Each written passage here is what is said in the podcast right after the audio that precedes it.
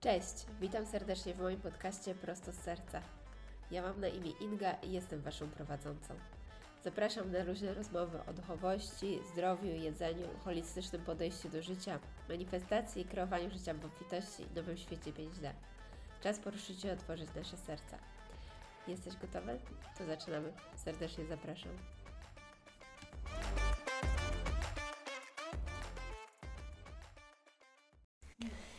Witam serdecznie w kolejnym odcinku podcastu Prosto z Serca. Dzisiaj jestem z gościem. E, witam serdecznie Cię, Julio. Julia Popiołek jest dzisiaj z nami. Cześć, witam. Em, dobrze, a więc zacznę od przedstawienia Julii i pokrótce powiem, o czym dzisiaj będziemy rozmawiać. Em, historia z Julią jest bardzo śmieszna, ponieważ pochodzimy z tej samej miejscowości. Mianowicie nasze dzieciństwo spędzałyśmy w Komorowie. Ja tam mieszkałam przez 20 lat swojego życia i znamy się z tak zwanego podwórka. E, I miałyśmy się gdzieś tam na Instagramie i e, nasze drogi, no właśnie, no tak się znałyśmy, jak zna, się wiele osób z dzieciństwa, śledziłyśmy się, no i totalnie rezonowałyśmy z rzeczami, z którymi się dzieliłyśmy. No i w końcu się zaczęło tutaj, tu się napisałam, tu Julia napisała, tu coś skomentowałyśmy. E, już w końcu padło hasło, dobra, musimy się zobaczyć na kawę. No i od tej kawy e, jest coś takiego, że jak z kogoś czujemy na tym głębszym poziomie e, i znajdujemy po prostu dobro, osobę o dobrym sercu, em, to dosłownie podczas tego spotkania, ja mam wrażenie, jakbyśmy się już po, po dwóch kawach, już jakbyśmy się znały dosłownie 10 lat i od razu wyszliśmy jakąś taką e, głębię e, znajomości. E, Bardzo to cenię, bo jesteśmy w podobnym wieku. No i to było właśnie takie też coś cudownego, jak z jaką łatwością można poznawać osobę, bo jeżeli mamy kogoś poznać, jeżeli ktoś jest no jakoś tak, nie wiem jak powiedzieć, energetycznie podobny do nas, wibrujemy podobnie, to dosłownie te znajomości em, można bardzo szybko zawrzeć. No i tak, to pokrótce jeszcze o Julii opowiem. E, tak jak ja ją widzę i tak jak ja ją znam. Julia właśnie jako młoda osoba jest cudowną mamą, świadomą mamą, która jest w macierzyństwie. Z zawodu jest e, architektem, pracuje jako grafik, pracuje też e, w kierunku rozwoju osobistego i pomaga innym. Access Bars, Human Design, więc żongluje różnymi rzeczami i dzisiaj chciałabym właśnie o tym opowiadać, e, jak to jest, jaka to była droga, jej droga. E, Będziemy też mówić o macierzyństwie, o świadomym macierzyństwie, o dochodzeniu swojej mocy jako kobieta. Takie wszystkie piękne, cudowne, wzniosłe tematy. I ważne, bardzo ważne. Tak, więc zacznę od pierwszego pytania. Bo chciałabym porozmawiać właśnie o Twoich początkach, jeżeli chodzi o rozwój osobisty. E, Od czego się zaczęło i jaki był taki przeskok, gdzie. No bo zawsze byłaś bardzo taką osobą, mam wrażenie, wrażliwą, no bo te studia, architektura, gdzie z jednej strony łączymy to takie matematyczne, ale też właśnie dzisiaj też o tym rozmawiałyśmy, że to malarstwo, więc em, ta kreacja, bycie kreatywnym, jest to połączone, no więc ta wrażliwość była, kreacja była. Jak od tego zaczęłaś przychodzić właśnie w takim kierunku mniej, bardziej takim ch- zaoferowania coś więcej od siebie personalnie, bo mam wrażenie, że masz dużą taką dozę w, siebie, w sobie właśnie takiego dzielenia się ze światem czymś więcej. Więc jak to u Ciebie było? Ojej, tak, bardzo złożone pytanie.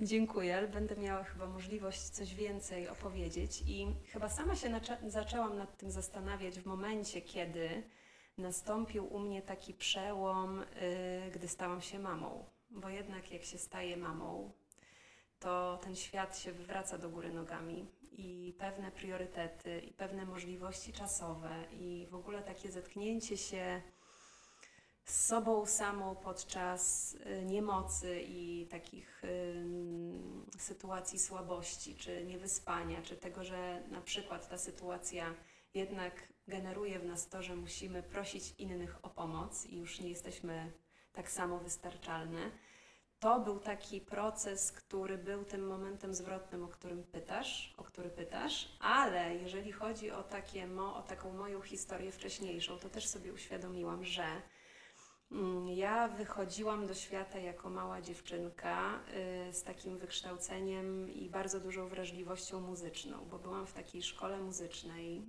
y, w której przez, no, można powiedzieć, 12 lat Uczyłam się gry na fortepianie, śpiewu i to była taka łączona szkoła, czyli razem ze szkołą muzyczną była szkoła ogólnokształcąca. Ja tam spędzałam 8-9 godzin dziennie, już jako siedmiolatka na mhm. przykład.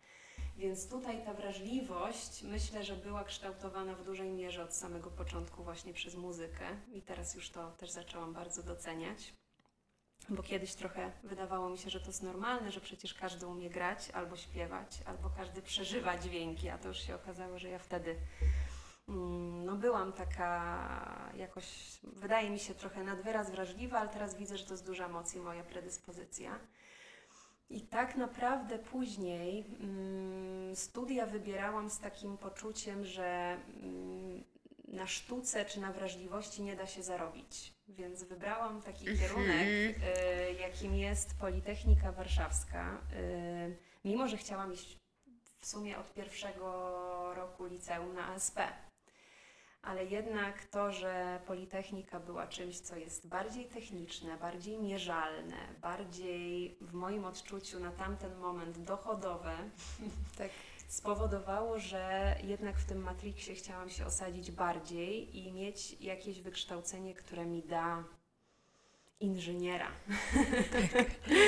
I teraz pewnie dużo osób się z tym utożsami, powie ojej, też, też w tym byłam. Też w tym byłam, też tu byłam, ale wydaje mi się teraz, już też jestem na takim etapie, że jest to nam potrzebne i ja dalej z tego bardzo korzystam, że jednak to szkiełko i oko gdzieś tam mi towarzyszy i nie odlatuję, tylko staram się wszystko tak wielopłaszczyznowo ogarniać, że tak powiem, bo to też mm, powoduje, że tam jest mój zasób, czyli wiem, jak się czułam wtedy, wiem, co spowodowało, że to wybrałam, wiem, co spowodowało, że się przekonałam do takiej wersji, bo też ja byłam do tej wersji Politechniki Warszawskiej przekonywana E, i cały czas ważyłam, cały czas rozmawiałam z różnymi ludźmi i no gdzieś to był mój wybór, czyli ja wiem, że to była moja karma, że jakby to, był, to była ta moja droga, którą ja musiałam przejść, żeby potem zrozumieć, że ym, hmm, i teraz jakby to powiedzieć, że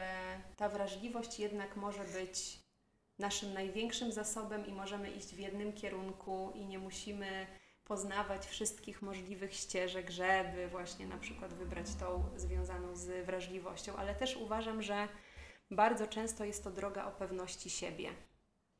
Czyli, Zdecydowanie. Czyli, żeby być wrażliwym i móc y, iść z tym do świata, trzeba już mieć jakąś zbudowaną pewność siebie, a jeżeli się jej nie ma zbudowanej, bo na przykład szkoła muzyczna jest taką bardzo. Mm, dziedziną, która podlega ocenie, jakby w ogóle muzyka podlega ocenie. W szkole też często się jest um, ocenianym, a te oceny też były surowe.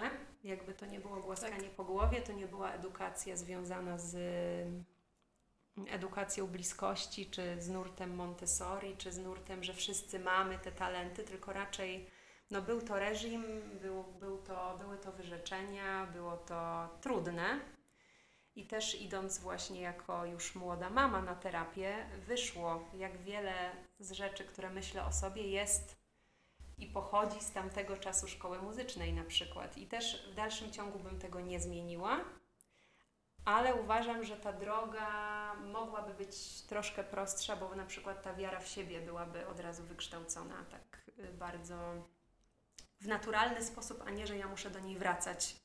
Tak. Oj, tutaj mam bardzo dużo wątków, staram się też nie, nie opowiadać jakoś y, o tym bardzo szczegółowo, natomiast te wszystkie etapy miały bardzo duży wpływ na to, co jest teraz i nawet do tej pory, zaczynając nowe rzeczy, ja mam z tyłu głowy takie y, podszepty i Ty pewnie Inga o nich wiesz, bo tutaj tak. razem działałyśmy, y, pracowałyśmy nad nimi, że powątpiewam że gdzieś to powątpiewanie w to, że na przykład, y, jeżeli ja czuję, to okej, okay, ja czuję, ale może ja nie jestem wykształcona w tym kierunku na tyle, żeby coś robić. Czyli to jest cały czas takie dla mnie y, osobiste starcie pomiędzy, mm, jakby to ująć, y, pomiędzy Y, wykształceniem, wiarą w siebie, a tym, że już wchodzimy naprawdę na taką erę y, działania i robienia, że pewne rzeczy się dzieją dużo szybciej, do pewnych rzeczy nie potrzebujesz takiego wykształcenia w postaci y, tradycyjnych studiów, że są kursy, że są ludzie, z którymi wystarczy, że przebywasz że pójdziesz Dokładnie na, dwa, tak. na dwie, trzy sesje i po prostu czujesz taką moc, jak po 10 latach jakichś studiów głębokich nad czymś, więc świat przyspiesza i tu już ja też y, staram się przyspieszyć i po prostu trzeba za tym iść i nie przejmować się, tylko iść po swoje. A z takich jeszcze, mm, bym powiedziała, jakichś osobistych rzeczy związanych z uzdrawianiem, czy z psychologią, czy z psychoterapią, do mnie też po latach docierają takie rzeczy, że na architekturze zamiast czytać pisma budowlane, ja zawsze kupowałam charaktery albo coaching. I uważałam, że to jest taka moja odskocznia od studiów, a teraz po latach się okazuje, że jednak to, co ciągnie najbardziej, może być yy, Twoim po prostu głównym zajęciem. I to nie musi być pasja tylko i wyłącznie, ale może być też sposób na życie. Dokładnie tak. Jest parę rzeczy, o które chciałam zahaczyć. Przede wszystkim zaczęłabym od tej samooceny i to jest mega śmieszne, bo mam taką historię dosłownie z tego weekendu sprzed paru dni. Byłam u moich rodziców i miałam coś tam wydrukować i zaczęłam szperać w starych półkach swoich, szukając kartki papieru, bo się papier skończył i znalazłam swoją jakąś taką ewaluację z 2009. To było po, przed studiami w liceum. I taka jakaś ewaluacja dziecka, różne metryki. I jedna rzecz, uznałam, dobra, już nie czytam tego, to jest przez tam 14 lat, więc jestem zupełnie inną osobą. I zobaczyłam tylko jedną rzecz mi się wy, e, wybiła. Samoocena, e, czy tam wiara w siebie. E, I ona była bardzo niska, bo tam wszystko jakieś były wysokie i to jakieś jedno mi tak wyskoczyło w oczy. Mm -hmm. I to było niskie. I ja teraz sobie myślę o sobie teraz versus wtedy i zaczęły do mnie przychodzić e, teksty, które usłyszałam od nauczycieli, od kogoś, że ktoś powie nam jedno zdanie, dobra, a co ty robisz oprócz imprezowania? Na przykład, jak, jak ktoś mi coś takiego powiedział. Ja mówię, Czyku, czy ty nie widzisz, że na przykład moje, nie wiem, pójście na, imprez na imprezę jest taką odskocznią, bo sobie z czymś nie radzę, czy dlaczego niekultywowanie w ogóle w dzieciach, budowania te, tego właśnie self-esteem, tej samooceny, po prostu walimy w, te, w tych młodych ludzi i jak to jest w ogóle ważne, bo ja do tej pory pamiętam te teksty, które jak nam to się zapisuje, jak to trzeba odpuścić i tą samą ocenę, a to jest chyba, to były całe lata dwudzieste, wchodzenie w e, czucie własnej, e, poczucie własnej wartości, znanie swoje, łączenie się ze swoją mocą, żeby wiedzieć, co mam do zaoferowania i połączenia się z tym, bo każdy to ma. No to jest kwestia właśnie tego, że dostajemy e, takimi kijami baseballowymi przez dzieciństwo i z pewności siebie już tak maleje, maleje, maleje, maleje. I zwłaszcza jako kobiety mam wrażenie, że to mamy, bo jest dla, do kobiet pada tyle tekstów i też z poziomu takiej łącznej świadomości w społeczeństwie po prostu mamy takie że nas to ob obniża automatycznie. No i tu jest właśnie, yy, dochodzimy do, do, no właśnie, do, do całego clue, że to nas no jest w stanie bardzo zaburzyć i wybić. Tak, ja się włączę. No. Dlatego, że takie rzeczy, ja mam też córkę właśnie, która ma 6 lat, więc ten temat kobiecości od najmłodszych lat mi towarzyszy i też to zauważam dzięki niej co się dookoła dzieje. Y, I to ja zawsze miałam taką tendencję, żeby mm, gromadzić bardzo, bardzo dużo wiedzy, ale potem jednak wyciągać z niej takie uniwersalne wartości albo uniwersalne prawdy, które mogę na przykład przekazać dziecku i to dziecko to zrozumie i będzie potrafiło to wdrożyć w życie. I u nas na przykład, y, oczywiście od przedszkola zaczynają się takie y, jakieś kłótnie czy problemy pomiędzy dziećmi, takie sprzeczki. I bardzo często zauważałam, jak nawet od najmłodszych lat, czyli już od takiego trzeciego roku życia, te mhm. maluchy to przeżywają, przyjmują jakiś obraz siebie, bo koleżanka coś powiedziała, albo coś chciała, albo bardzo po popularnym tekstem jest. Yy, jak się ze mną nie pobawisz, to nie będziesz moją przyjaciółką. To jakby takie wręcz, y, bym powiedziała, znęcanie się nad sobą jest takie teraz popularne wśród maluchów i myślę, że to jest też takie naturalne, rozwojowe. Natomiast tutaj kluczowa rola jest rola rodzica i uważam, że takie zrestartowanie systemu, tak jak to mówi nawet totalna biologia, że codziennie y, budzimy się nowym człowiekiem. Jak ja sobie uświadomiłam, że faktycznie ja codziennie, jak otwieram oczy, mogę być nowa i mogę być bogatsza o to doświadczenie z dnia wcześniejszego, ale to jakby nie stanowi o mojej wartości, tylko po prostu tak jest i ja to przyjmuję, że ja taka jestem. I też, że każdego mm, opinia na mój temat tak naprawdę jest opinią o nim samym, czyli też nie przyjmować tego, co mówią do nas inni ludzie w takiej chęci trochę zmanipulowania, bo bardzo często to jest chęć uzyskania czegoś, prawda, od nas. 100%. Y, jeżeli tak naprawdę wytłumaczy się to dziecku, mamy, ma się taki nawyk, że co wieczór jednak sprawdzamy, czy jest jakaś równowaga psychiczna, y, nie wiem, u nas w relacjach, czy y, praktykujemy sobie wdzięczność, że na przykład mówimy trzy takie rzeczy, za które jesteśmy wdzięczni, które się wydarzyły w danym dniu. To jest piękne. To jest piękne, dlatego ja też do tego podchodzę nie tylko z tego punktu widzenia psychologicznego, tylko też z takiego punktu widzenia, mm, bym powiedziała, reprogramowania mózgu. Czyli my wiemy, że nasz mózg jest nastawiony na wyszukiwanie Mm, zagrożeń, no bo jesteśmy ludźmi, którzy kiedyś musieli zdobywać zwierzynę, pożywienie, tam zabijać i tak dalej. Byliśmy niepewni kiedyś, tak, naszego bytu. Teraz jak mamy domy, y, ciepłe łóżka, jedzenie, jakby już nie musimy tego robić, no ale mechanizm naszego mózgu pozostał. I ja to sobie zawsze tłumaczyłam w ten sposób, że fajnie jest uczyć dziecko po prostu od najmłodszych lat zwracania uwagi na rzeczy dobre bo to mu też pomoże potem przyciągnąć te rzeczy dobre dla siebie, Oczywiście. wspierające.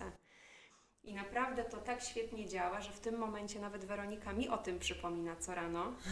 Przestaje się przejmować takimi rzeczami, które mówią do niej inni, bo wie, że to jest trochę wyraz tego, co oni myślą o sobie samym. I już nawet takie dwie małe rzeczy, przerobione świadomie, Moim zdaniem, jeżeli wszyscy by się tak wychowywali, byłby po prostu lepszy świat. Może to brzmi górnolotnie. Nie, absolutnie nie. Ale naprawdę to są takie dwie rzeczy świadomego macierzyństwa, do których bardzo długo dochodziłam też, bo też bardzo długo jakby musiałam się trochę dostroić do tego, co wiem, bo też nie od razu ciało tak prosto to przyjmuje i jakby może to negować, ale jak to, ale jakby dlaczego. Y, może jednak ze mną jest coś nie tak, no bo kiedyś mi mówili, że coś jest ze mną nie tak. To jest jakby taka plątanina, że w pewnym momencie ma się ochotę to uciąć i powiedzieć nie, stop. Jakby ja wiem, jaka ja jestem, ja wiem to najlepiej. I ty też, Weronika, wiesz, jaka ty jesteś, i to można tak naprawdę powiedzieć do wszystkich.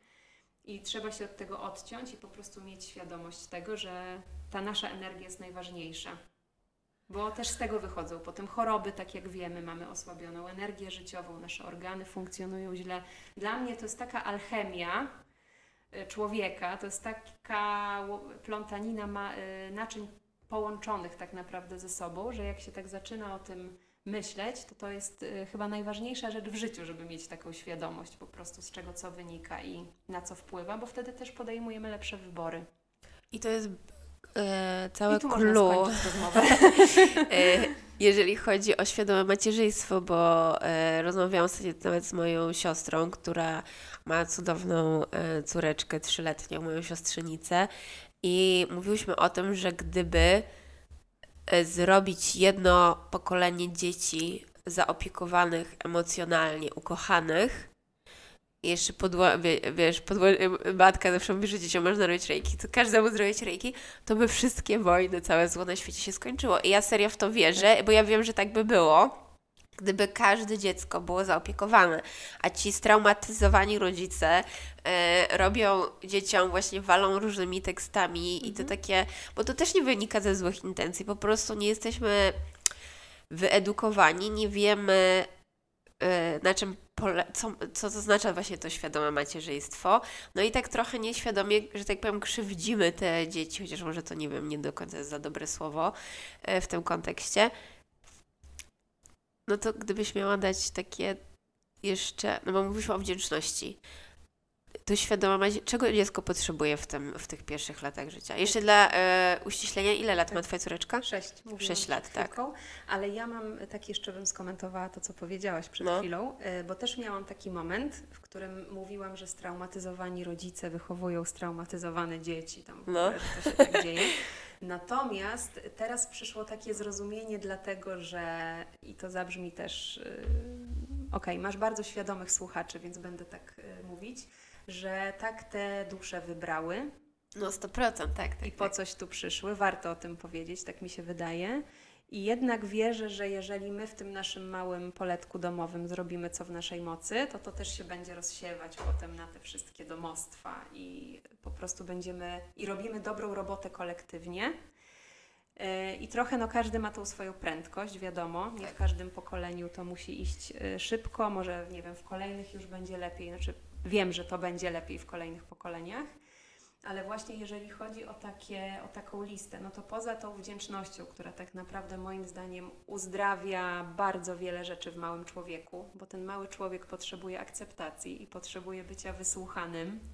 y, I potrzebuje też zasad, bo to nie jest tak, że on nie potrzebuje zasad, ale potrzebuje takich zasad, mm, które są w zgodzie z funkcjonowaniem też mózgu tego dziecka, czyli nie potrzebuje mm, reżimu, nie potrzebuje mm, zakazu na wszystko, tylko potrzebuje móc się wyszaleć, móc się wybiegać, y, ro- porozlewać rzeczy w kuchni, czy y, zabrudzić gdzieś coś, żeby też on czuł, że on ma tą moc sprawczą, bo na przykład u mnie, to mogę tak się podzielić swoją osobistą historią, Był taki moment na etapie terapii, że i uzdrawiania wewnętrznego dziecka, co też będzie fajnym teraz przejściem, no bo tutaj mamy dzieci, ale my też mamy w sobie ten element y, dziecka i to wiemy, który jest bardzo ważny. Wyszło, że ja tak naprawdę mam. Mm, Nie wstrzymuję się, nie, wstrzymuję się w momencie, kiedy wiem, że coś może nie wyjść. I tak naprawdę w Aha. pewnej metodzie wizualizacji, lekkiej hipnozy, ja dotarłam do sytuacji, w której słyszę tą mamę, która mówi: Nie rozlewaj. I to jest coś, co też y, programuje nasz mózg od małego. I okej, można powiedzieć: Słuchaj, teraz nie mamy na to czasu, albo y, zrobimy to później, ale pewne takie komunikaty wprost, na przykład y, nie rób tego, nie rozlewaj, już spowoduje, że dziecko jakby nie czuje się w pełni mocy, że może coś zrobić samodzielnie, czyli wycofuje się.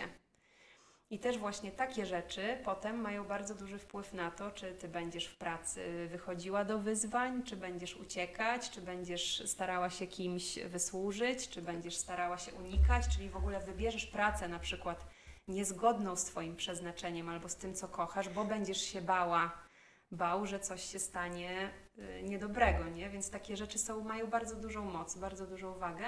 No i my, jakby to są takie rzeczy, które można robić od dziś, od zaraz, żeby było lepiej, nie? Dobra, to jeszcze muszę zapytać o jedną rzecz, e, o Twoje zdanie. Mianowicie, bo ja to też widzę, bo nie mam własnego dziecka, ale mam siostrę, z którą jestem mega blisko. Wyznaczanie granic, kiedy, kiedy jest granica pomiędzy tym, że dziecku pozwalasz właśnie, żeby miało pełną ekspresję, bo też uważam, że to jest mega ważne, czyli to, co Mhm. mówisz, i brudzimy, i tu porobimy i tak dalej, ale w którym momencie jest granica, kiedy na dziecko nie chce wyjść w zimie bez kurtki, e, bo, tak, bo, ją, bo ją wszystko boli tutaj, metki jej przeszkadzają, więc ona wyjdzie bez kurtki. E, jaka jest rola rodzica?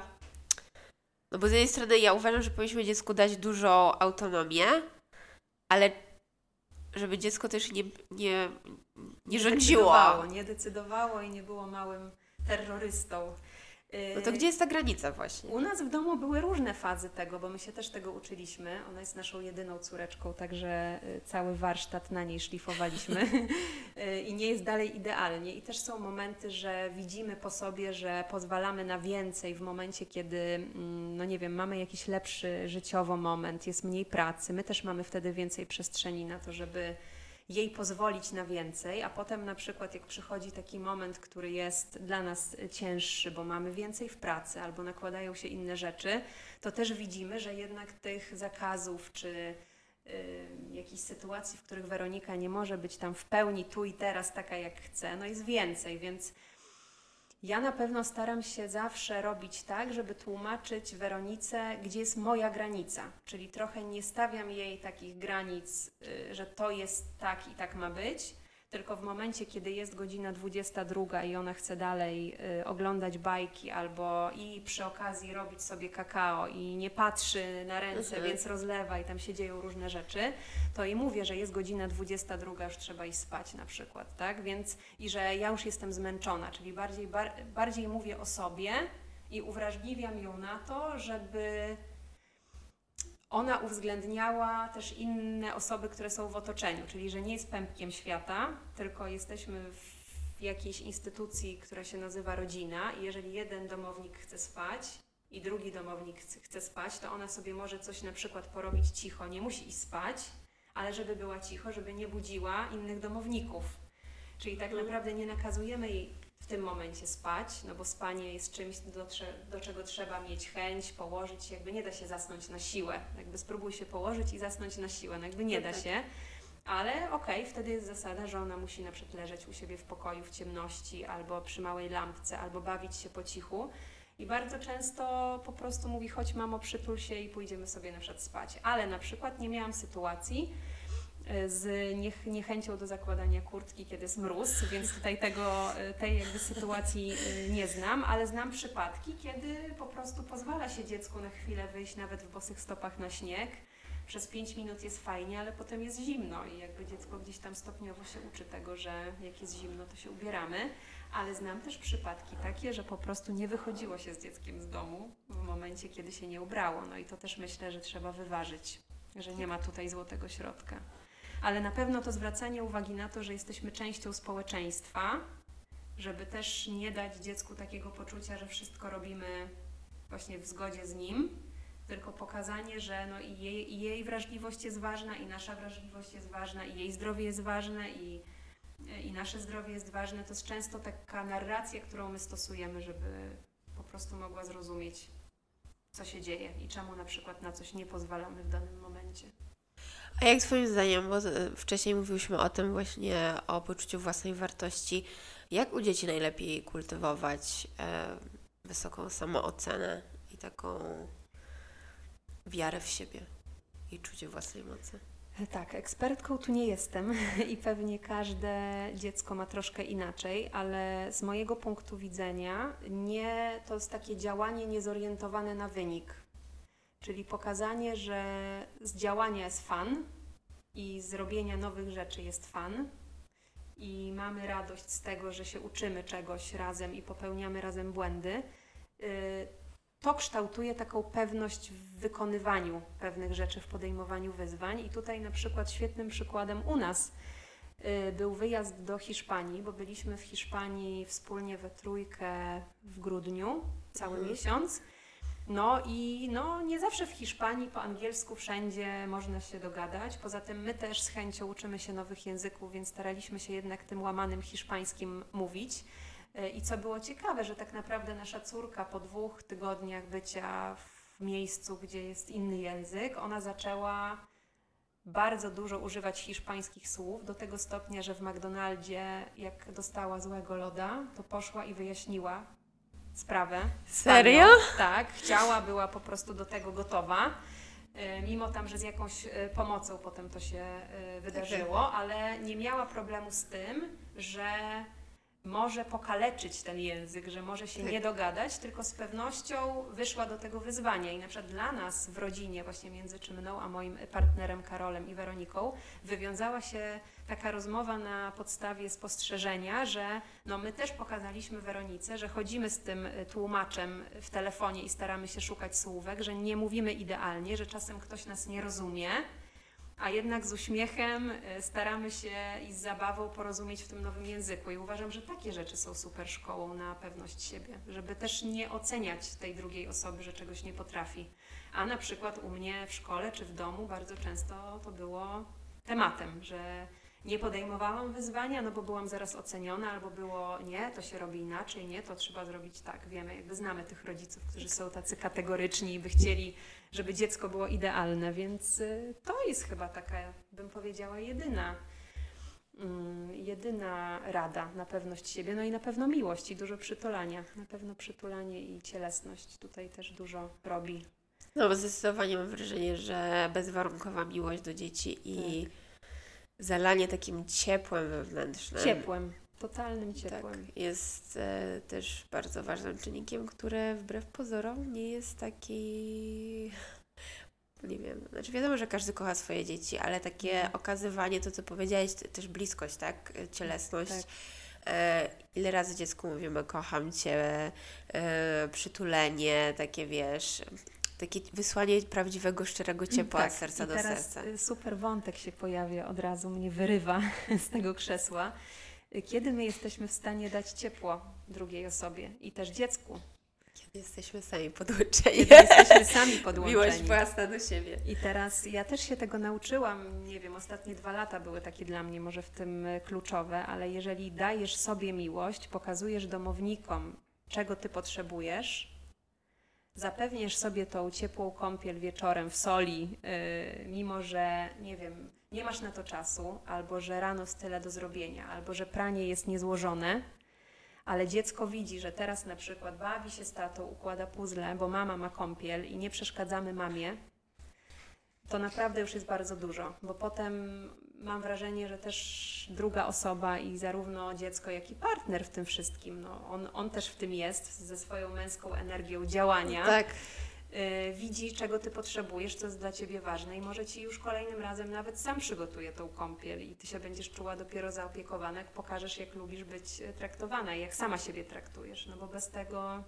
jest błędne koło. A w, też w takim kole byłam, że inni czemu nie, nie, nie, jakby nie są na moje zawołanie, dlaczego Tak. inni tego nie robią dla mnie, czy oni mnie kochają, czy nie kochają, a ja nigdy nie pokazywałam tego, czego ja chcę tak naprawdę. Więc to jest kolejna wielka rzecz. To jest coś, o co chcę zahaczyć, to co powiedziałaś a propos właśnie tego żonglowania, więc chciałam powrócić też do tego, co robisz. E, jest macierzyństwo, jest praca zawodowa i coraz bardziej wchodzisz właśnie w pracę z Access Bars, e, też trochę human design. E, czym dla Ciebie jest właśnie to żonglowanie i czy to tak bardzo łatwo przyszło? Bardzo łatwo. E, bo to jest zawsze jakaś droga, mam wrażenie. Jak to się zadziało u Ciebie? Tak prosto, łatwo, przyjemnie, kliknęłam i było. Nie, no tak naprawdę to wszystko y, wypływa z chęci rozwoju osobistego i z doświadczenia pewnych kryzysów i w życiu, i w związku, i samym ze sobą. Sławne kryzysy u każdego. Y, Kryzysy są naprawdę wyrzutnią, tylko uważam, że trzeba je potraktować z głową i potraktować jako to, że to jest o czymś dla nas, a nie przeciwko nam. Tak. I to nastawienie, że wszystko jest, się wydarza dla nas, y, jest naprawdę jakąś moją mantrą i w kryzysach mi pomagało mm, zachować spokój i zdrowie. No to jest takie, u mnie przyszło to bardzo naturalnie, dlatego że w momencie, kiedy byłam yy, we współpracy z bardzo dużą firmą, dla której projektowałam graficznie już od wielu, wielu, wielu lat, czyli już prawie dziesięciu, to tak naprawdę już ze trzy lata temu czułam, że mm, mogłabym coś więcej, mogłabym coś innego. Ja też jestem za tym, że po siedmiu latach warto weryfikować swoje plany. Jestem w jakichś mądrych książkach przeczytałam, że co siedem lat trzeba by było zmieniać zawód, żeby zachować taką świeżość y, umysłu i taką chęć odkrywania nowych rzeczy. U mnie to się zadziało, myślę, tak po jakichś dziesięciu latach.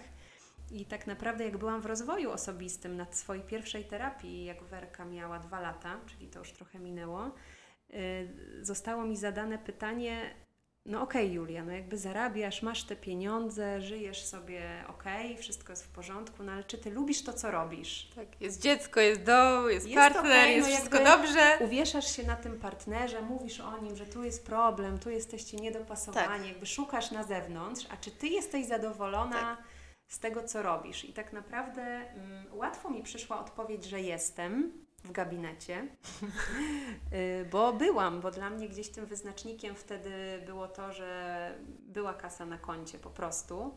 Y, I że w zasadzie to jest praca kreatywna, a ja lubię działać kreatywnie, że podejmuję się nowych tematów. No w sumie pracuję też zdalnie, więc mam ogromną wolność, no jakby czego chcieć więcej. Ale jednak gdzieś w tej duszy wołało pomaganie innym. I też sobie przez wiele miesięcy tłumaczyłam potem, że ale przecież ja mogę pracować dla fundacji, ja mogę pracować dla jakichś y, instytucji charytatywnych, ja mogę to przekuć też w dzieci, bo bardzo kocham dzieci. W ogóle zawsze ta praca z dziećmi gdzieś mi krążyła wokół. Mm, ale to był taki proces bardzo długi, do momentu, kiedy mm, nie byłam na swojej pierwszej szamańskiej ceremonii w ramach terapii. tak, doświadczałam różnych alternatywnych źródeł y, poznawania swojego wnętrza i swoich y, schematów. I zobaczyłam tą wdzięczność osób, które doświadczają pewnego rodzaju przełomów czy takich oświeceń, małych, większych, ale no nie wiem, gdzieś chyba takie rzeczy obudziły we mnie poczucie, że w sumie praca dla ludzi, ale taka dla ludzi z, z krwi i kości tu i teraz jest dla mnie czymś ważnym.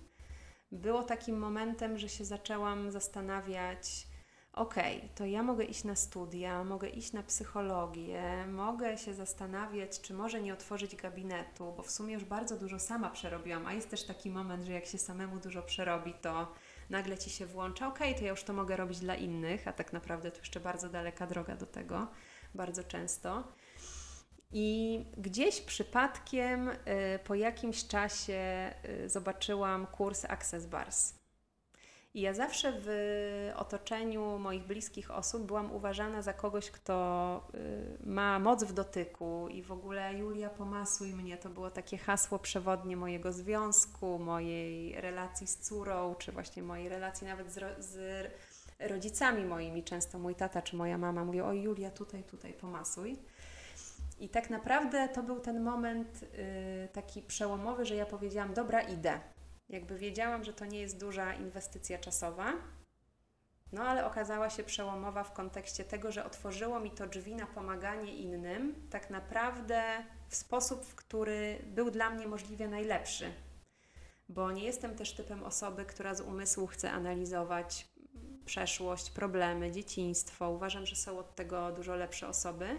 Poza tym ja też wierzę w transformację kwantową i w energię i wiem, że to się może dziać dużo szybciej już tak naprawdę. Trochę tak. wychodzimy z tego nurtu moim zdaniem takiej klasycznej psychoterapii.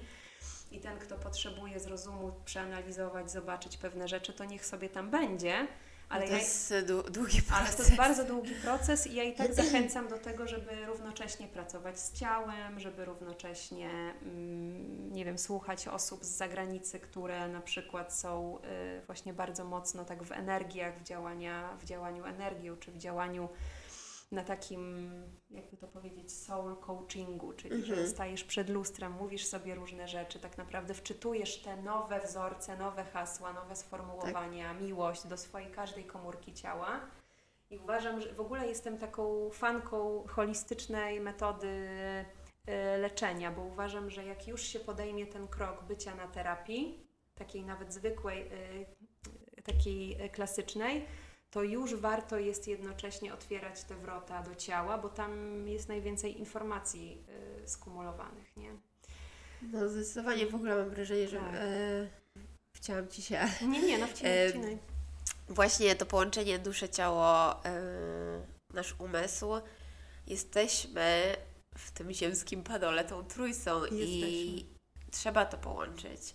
I zawsze też, to już gdzieś tam wspominałam, pamiętam w którymś odcinku, że to jest mega ważne i często widziałam osoby, które właśnie się skupiały na jednej części, a zaniedbują resztę. Tak, bardzo często wywala nas w którymś momencie. Tak. Że, że jakby ciało potrzebuje, już ulecz mnie tutaj, nie wiem, strzela w kolanie, coś się dzieje, złamanie, bo już po prostu jest taka kompensacja tej energii w tkankach, że coś się dzieje takiego, że się trzeba zwrócić do ciała.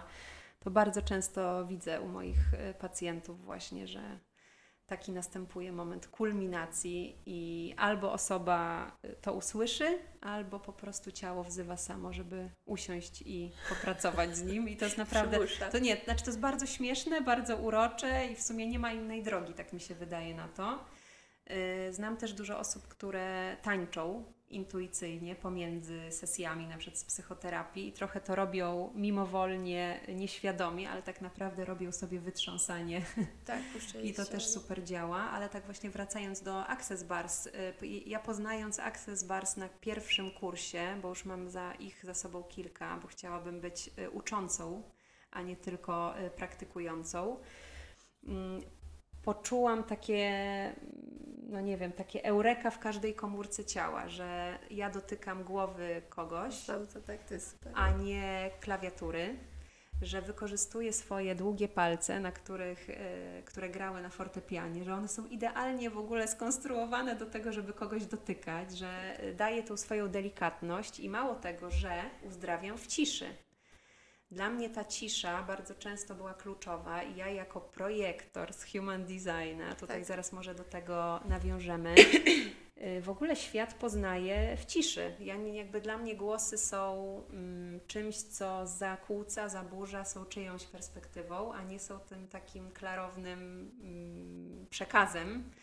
I właśnie w barsach może, mogę sobie pozwolić na tą ciszę, jednocześnie dotykając głowy mojej pacjentki czy właśnie pacjenta, y, bardzo dużo mogę czuć i otwierać się na to jasnoczucie i tak naprawdę ćwiczyć to jasnoczucie, bo mam wrażenie, że z każdym pacjentem to się otwiera jeszcze bardziej.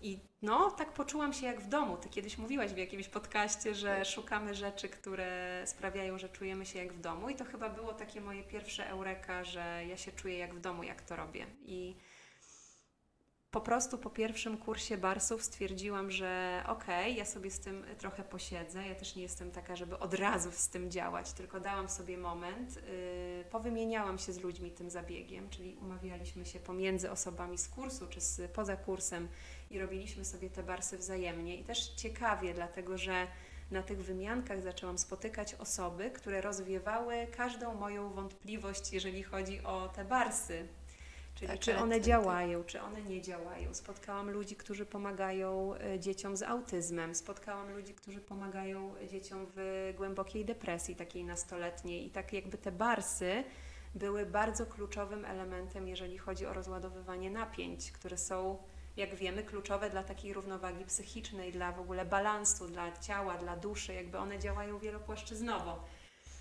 I stwierdziłam, że okej, okay, no to widocznie tak ma być, poddam się temu, nie myślę za dużo i po prostu zaczęłam pomału, pomału, pomału to robić. Najpierw w wymiarze godzina dziennie, po, znaczy godzina w tygodniu, potem w wymiarze trochę większym, raz mniejszym, wiadomo, ale po prostu zaprosiłam barsy do swojego życia i patrzę, jak one teraz działają i jak się szerzą. I im ja bardziej w to wierzę, im bardziej pokazuję, że to robię, tym więcej mam zadowolonych osób, które wracają. No właśnie, ale y, parę rzeczy chcę skomentować. dawaj, dawaj. E, po pierwsze, właśnie to jest fajne, bo moim zdaniem właśnie to jest szukanie tej swojej drogi życiowej, że e, lubię mówić, że wszechświat rzuca nam takie okruszki, jak idziemy tym, to idziemy tą drogą właśnie, że nawigujemy właśnie, czy coś nam też nie pasuje i pasuje w dwie strony, tak? Więc jeżeli co opowiadałaś o tych studiach i tak, ta historia, czy jesteś zadowolona w pracy tak na 100%, my głęboko wiemy i mamy te odpowiedzi, tylko musimy podążać tymi okruszkami i tak, czy naprawdę się tego słuchamy, aż jest taki moment takiej eureki, właśnie to co mówisz, powrót do domu, że wiemy, czy, co, czy coś jest tak, czy nie. I też chciałam powiedzieć, że to się może zmieniać w przyszłości, że to jest ta eureka dom na tą chwilę.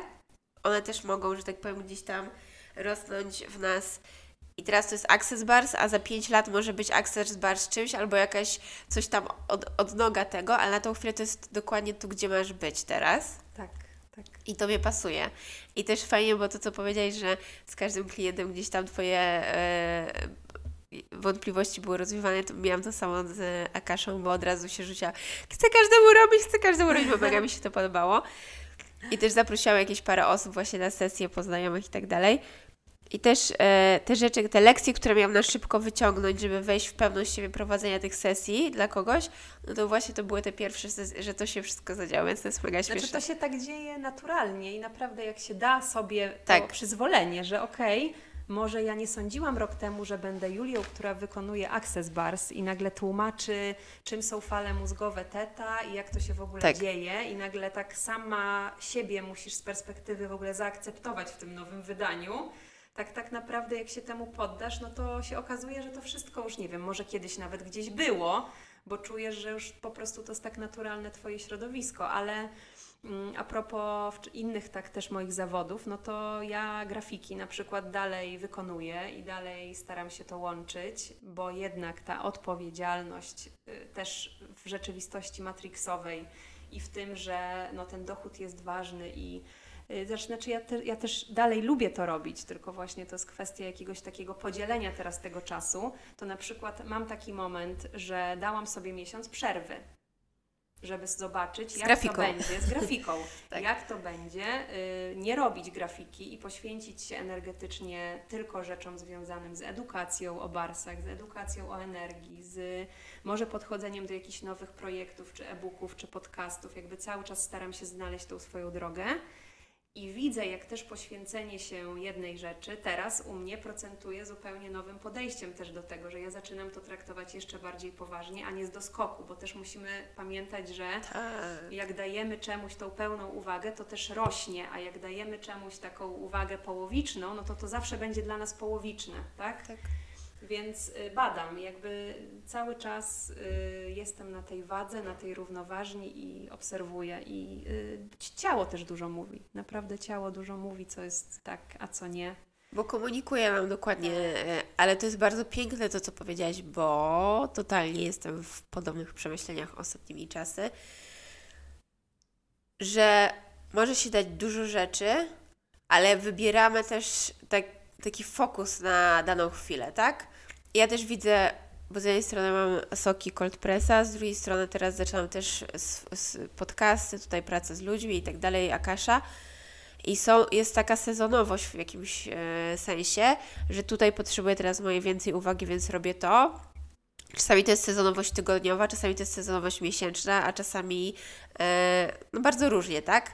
Ale się skupiamy i to widzę, że u mnie personalnie też tak było, że jak próbowałam trzy rzeczy naraz w ciągu dnia, to to gorzej wychodziło, a teraz wolę pracować takimi blokami, że nawet dzisiaj jestem tylko w kreacji, więc wymyślam.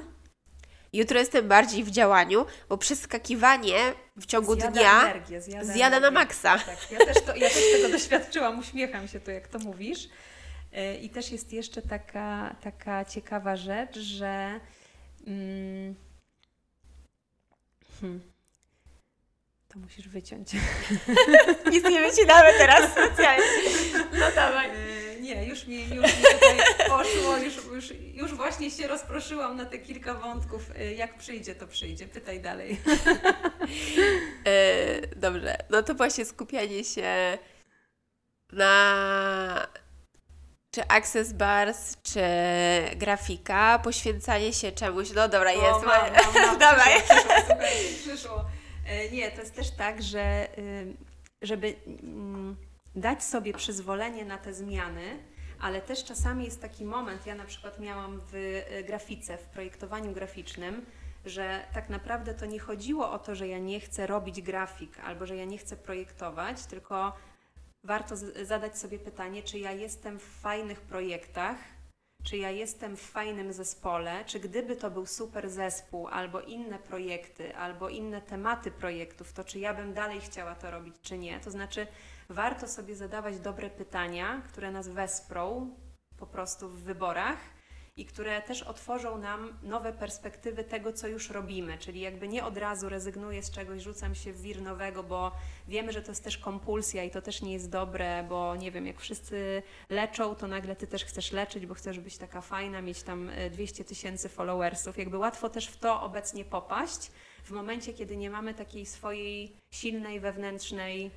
zakorzenionej jakiejś, nie wiem, wiary w to, że ja dobrze wy, wy, wybieram, czyli to taka pewność siebie jest tutaj jakby bardzo ważna. I uważam, że warto najpierw popracować nad tym, czy ja siebie dobrze słucham, czy słyszę to, co do siebie mówię, czy dobrze czytam ciało i dać sobie tą przestrzeń. U mnie to było no tak naprawdę ze trzy lata, żeby tak zacząć siebie naprawdę słyszeć i dopuszczać to, co ja myślę w ogóle do życia, że przestałam to trzymać w sobie, że zaczęłam temu ufać i to jest też uważam proces, cały czas to się dzieje i teraz to, co robię, to jest trochę sprawdzam taki test na to, czy faktycznie to jest to.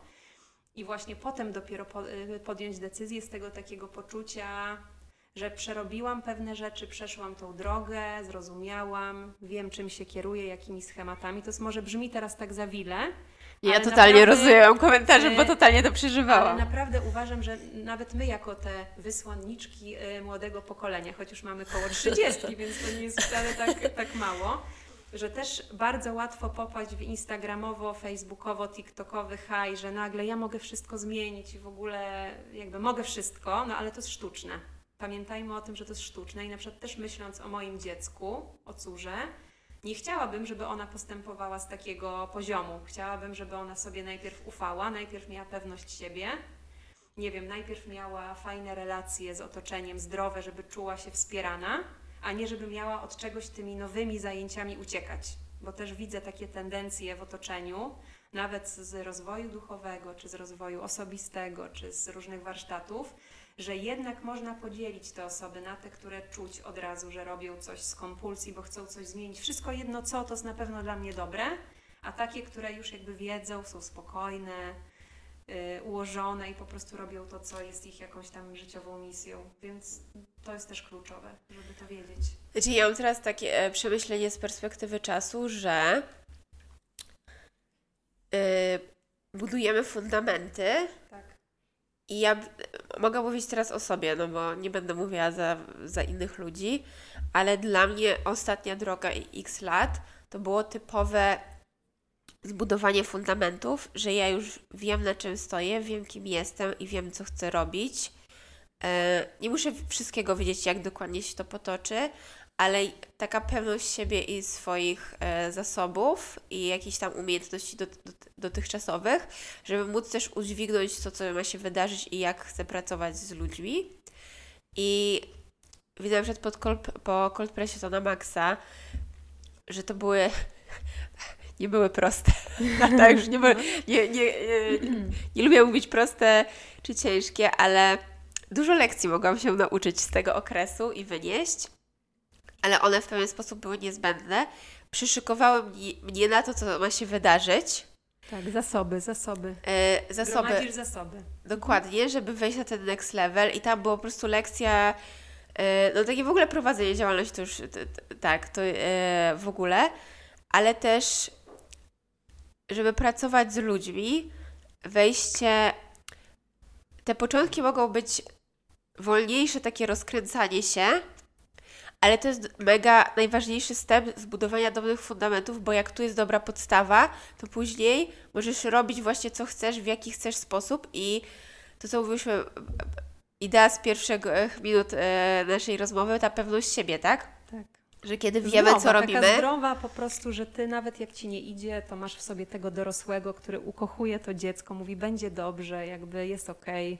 Czuj, czuj się bezpiecznie, bo też mam wrażenie, że dopiero w takiej aurze bezpieczeństwa ludzie uzdrawiają się no trochę sami, trochę widzą w tobie ten przykład spokoju tak. i tego, że okej, działo się, było na przykład burzliwie przez ileś tam lat, ale no, ona dała radę, ona ma w sobie spokój, ona teraz jest w tym i tym miejscu, że fajnie być też takim przykładem no, tego spokoju, tej ułożonej energii i tego, że nie wiem, ktoś przyjdzie, powie, pani, ale te barsy nie działają. To ty nie masz od razu miliona myśli, że w ogóle rezygnuję z tego, to nie ma sensu, tylko Tak, albo mu tak to serio nie działają? Albo mu to wytłumaczysz, albo mu powiesz, dobrze, rozumiem, albo mu zaproponujesz kolejną sesję, żeby jednak dał sobie czas. Tak jakby wiesz wtedy, co zrobić w sytuacjach kryzysowych i to cię nie odciąga od twojego celu. A jak nie masz pewności siebie, no to tak trochę jak chorągiewka na wietrze, nie? Że jakby jak coś się nie uda, no to okej, może coś innego. A jakby w kolejnym będzie to samo. Jakby przyjdzie ta sama lekcja do przerobienia. Tak, i w takim e, w pracy z ludźmi, to, to znowu wracamy do poprzedniego e, e, tematu, którym, o którym już wspomniałaś, czyli znowu jesteśmy, żyjemy w świecie, że byliśmy nauczeni, że to jak ktoś ma, że jesteś inżynierem, to już wszystko wiesz na ten temat. No bo wiesz. No bo żartuję. wiesz. tak naprawdę po studiach architektonicznych wiesz mało o zawodzie architekta, to mogę powiedzieć, więc... Ja y, studiowałam ekonomię o pracy i prowadzeniu działalności się prawie nic nie nauczyłam. Tak, znaczy y, nie neguję instytucji studiów, ale naprawdę taka praktyka, bycie w biurze, czy działanie z perspektywy już y, pracownika, czy bycia w urzędach, czy bycia No na budowie, no jakby tylko te narzędzia Ci dadzą sukces, nie, nie studia, choć no wiadomo, studia to studia. A w pracy, wiesz, e, w jakimś tam powiedzmy coachingu czy coś takiego, czy nie wiem, Access Bars, to tu, no wiadomo, idziesz, możesz iść na jakiś kurs i tak dalej, ale ja uważam, że para, parametrem takim, gdzie powinniśmy szukać, czy ktoś jest dobry, czy nie, jest właśnie to Energia. energia i właśnie jego wręcz poczucie wartości, czy on wie, co on robi, bo jak ktoś jest pewny w tym, co robi i ja wiem, że on wie, co robi, bo są takie osoby, co nie, że, że mamy 100% Chodzisz i czujesz. czuję, że ja mam zaufanie do ich pracy e, i to nie jest to nie jest żaden papierek, to nie jest to, Tak. co No jakieś takie osiąganie ziemskie. różni fryzjerzy, różne manikiurzystki, Tak. to tak. I chodzisz do tej, co czujesz, że wie, co robi. Bo nie Dokładnie. będziesz jej sprawdzać w aktach, co skończyła, czy to było w Stanach, czy to było w Polsce, czy to było w, Ciechan w Ciechanowie na przykład, Tak. nie? Tylko po prostu ona ma wiedzieć, co robi. I bardzo możliwe, że ta z Ciechanowa jednak ćwiczyła u siebie w domu i na wielu e, klientach, zanim na przykład przyjęła kogoś, nie? Na wizytę i się okazuje dużo lepsza niż ta, co po prostu zrobiła papier gdzieś tam w Stanach, nie?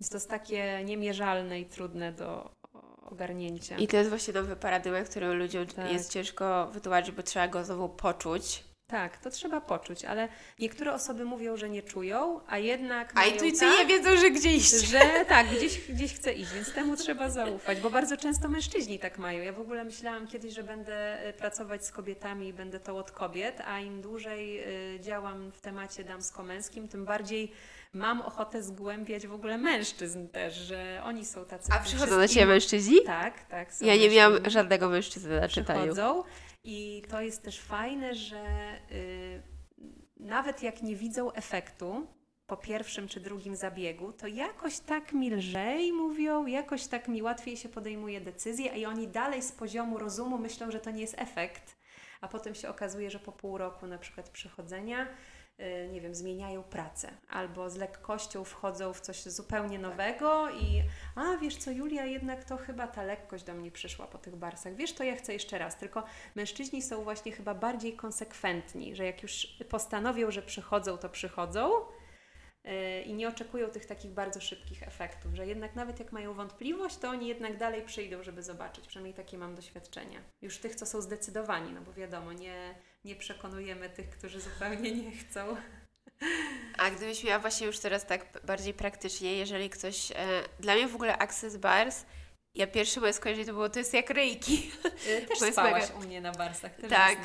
E, no bo to właśnie tak mega kojąca, Tak. to jest bardzo też no podobne, bo to też elektromagnetycznie, punkty, Tak, rozładowujesz rozładowanie. ładunki, Tak, tak. I jakbyś ktoś przychodzi do ciebie, ile razy najlepiej przyjść, żeby poczuć różnicę? Ja, jak to wygląda? Co byś powiedziała osobie, która przychodzi pierwszy raz do ciebie? Nie Puk, no, puk, Julia. Na pewno z, trzeba się zrelaksować, y, dać sobie taką przestrzeń na, przyje, na przyjmowanie, bo barsy są o przyjmowaniu dobra. I Mhm. to jest może trudne, jeżeli ktoś jest w paradygmacie trzeba dawać, trzeba y, zasłużyć, a tutaj po prostu przychodzisz i masz dostać To dobro. nie trzeba zasłużyć, Nie tylko trzeba dostać. zasłużyć, po prostu. Nawet naprawdę są takie dziewczyny, które robią barsy mm, już wiele lat i, i potrafią wystawić karteczkę będąc w Rzymie i czekając na koleżankę.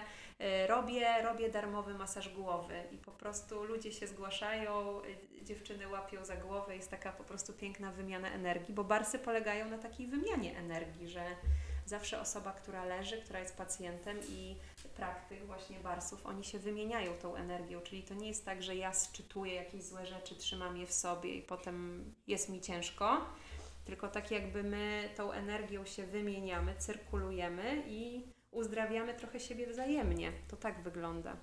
I na pewno taką radą dla osób, które przychodzą pierwszy raz, to jest nie spodziewać się niczego, tylko Mhm. wyluzować się i to przyjąć, bo naprawdę barsy działają tak jak taka medytacja, bym powiedziała, dla leniwych, tak jak się to określa nawet. Można i spać, się położyć i spać. No nie, i nasz mózg po prostu bardzo zwalnia, bardzo fale zwalniają do tych fal mózgowych teta, już z takiego naukowego punktu widzenia. I to jest nawet na EEG aparacie, wiecie, udowodnione naukowo, więc jak już to zobaczyłam, mówię, robię to. Nie, ale naprawdę widać taką głęboką błogość, lekkość, pojawia się przestrzeń na podejmowanie zupełnie nowych decyzji, na patrzenia na rzeczy z innej strony. Po prostu poszerza nam się trochę percepcja patrzenia, jak jesteśmy na zabiegu bars i bardzo często to jest już po pierwszym zabiegu czuć taką lekkość i taką błogość. Czasami trzeba może z tydzień, dwa poczekać, aż wszechświat zacznie nam dawać pewne pole do sprawdzania, czy faktycznie ta zmiana się w nas zakorzeniła. E, A czasami dla osób, które na przykład mają w ogóle problem z y, czuciem, ze skontaktowaniem się z sercem, bo takie osoby też są, no to mówię wtedy, że tak 3-4 zabiegi. Już chyba nie było y, osoby, która by po czterech zabiegach nie poczuła jakiejś naprawdę takiej zmiany też w swoim otoczeniu, bo to często posuwa za, za nami, to, ta nasza zmiana energetyczna często posuwa za nami też zmiany w otoczeniu. To co się może zmienić? Mm, Pewni znajomi mogą zacząć się na przykład wykruszać, albo możemy czuć, że już kawa na przykład z tą osobą to już nie jest dla mnie, albo że ta praca to może jednak ja zmienię stanowisko, albo może będę ją wykonywać o wcześniejszych porach, bo bym chciała mieć więcej dnia dla siebie. No takie Tak. się dzieją Jest. rzeczy. y, U niektórych dużo bardziej radykalne, bo się czasami za, zadziewają jakieś losowe sytuacje, które też sprawdzają te sytuacje. Tutaj nie chcę straszyć oczywiście, bo to nie chodzi o to.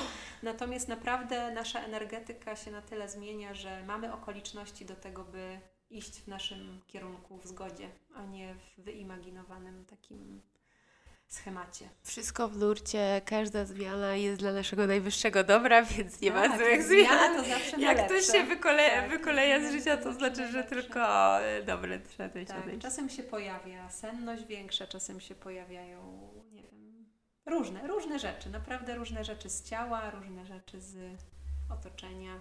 Ale to chyba po każdym zabiegu energetycznym tak jest, tak mi się wydaje, że Tak.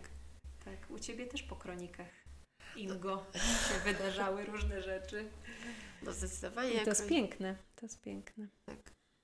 Dobra, na koniec pytanie od Czapę. Gdybyś miała jedną myśl wrzucić do każdego umysłu na świecie albo serca, co by to było? Myśl albo stan świadomości jakiś taki, wiesz. Ja, sobie, ja bym marzyła, żeby każdy patrzył sercem na drugiego człowieka, bo to jest. mm, To jest taki stan, kiedy nie oceniasz i dajesz żyć innym tak, jak oni chcą żyć i niczego nie forsujesz i patrzysz po prostu na to, co ty możesz dać, ofiarować i nie chcesz też mm, po prostu źle dla kogoś. I myślę, że taki stan patrzenia sercem jest kluczowy.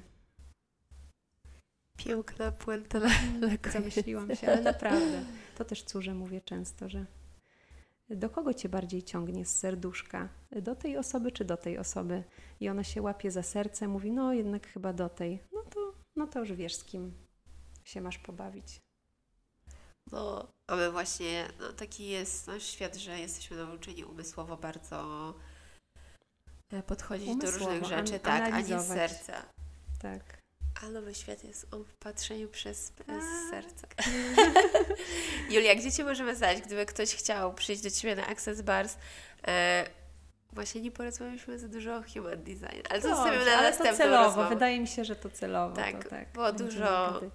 Ważne, żeby Cię każdy poczuł, a później Myślę, że te tematy macierzyństwa tak. w obecnych czasach i też biorąc pod uwagę tematykę Twojego podcastu, to będzie po prostu robić robotę. tak. I jest też potrzebne, bo mamy tu dużo młodych mam na pewno. Y, Można mnie znaleźć na Instagramie Julia Popiolek, razem pisane, Y, a tam już cała reszta. Tam Y, wszystko. Dopiero zaczęłam, także nie jest to może jakieś bardzo, bardzo mm, rozhulane, natomiast przyjmuję na Starym Mokotowie przy Łazienkach Królewskich. Można przyjść do mnie, położyć się i doświadczyć zmiany. Jeszcze muszę przyjść do tej lokalizacji, bo robiłyśmy u mnie, a Tak, z chęcią tam zapraszam. magiczne miejsce. E, no dobrze, to Dziękuję Ci bardzo za rozmowę. Bardzo dziękuję. Ja jeszcze tylko dodam na koniec, że najlepszą formą wspierania, jeżeli lubicie słuchać e, to, o czym mówimy, to dzielenie się z najbliższymi, jeżeli rezonuje, jeżeli Wam się podoba, e, czy też lubienie, zostawianie jakiegoś lajka, bo tak zauważyłam, że to fajnie przekazywanie właśnie jakiejś osobie to jest najlepszy sposób, takie e, szczere rekomendacje z serca, więc jeżeli rezonuje, to będę zawsze bardzo wdzięczna, tak a propos wdzięczności, także dziękujemy bardzo i pięknego, słonecznego dnia. Pa.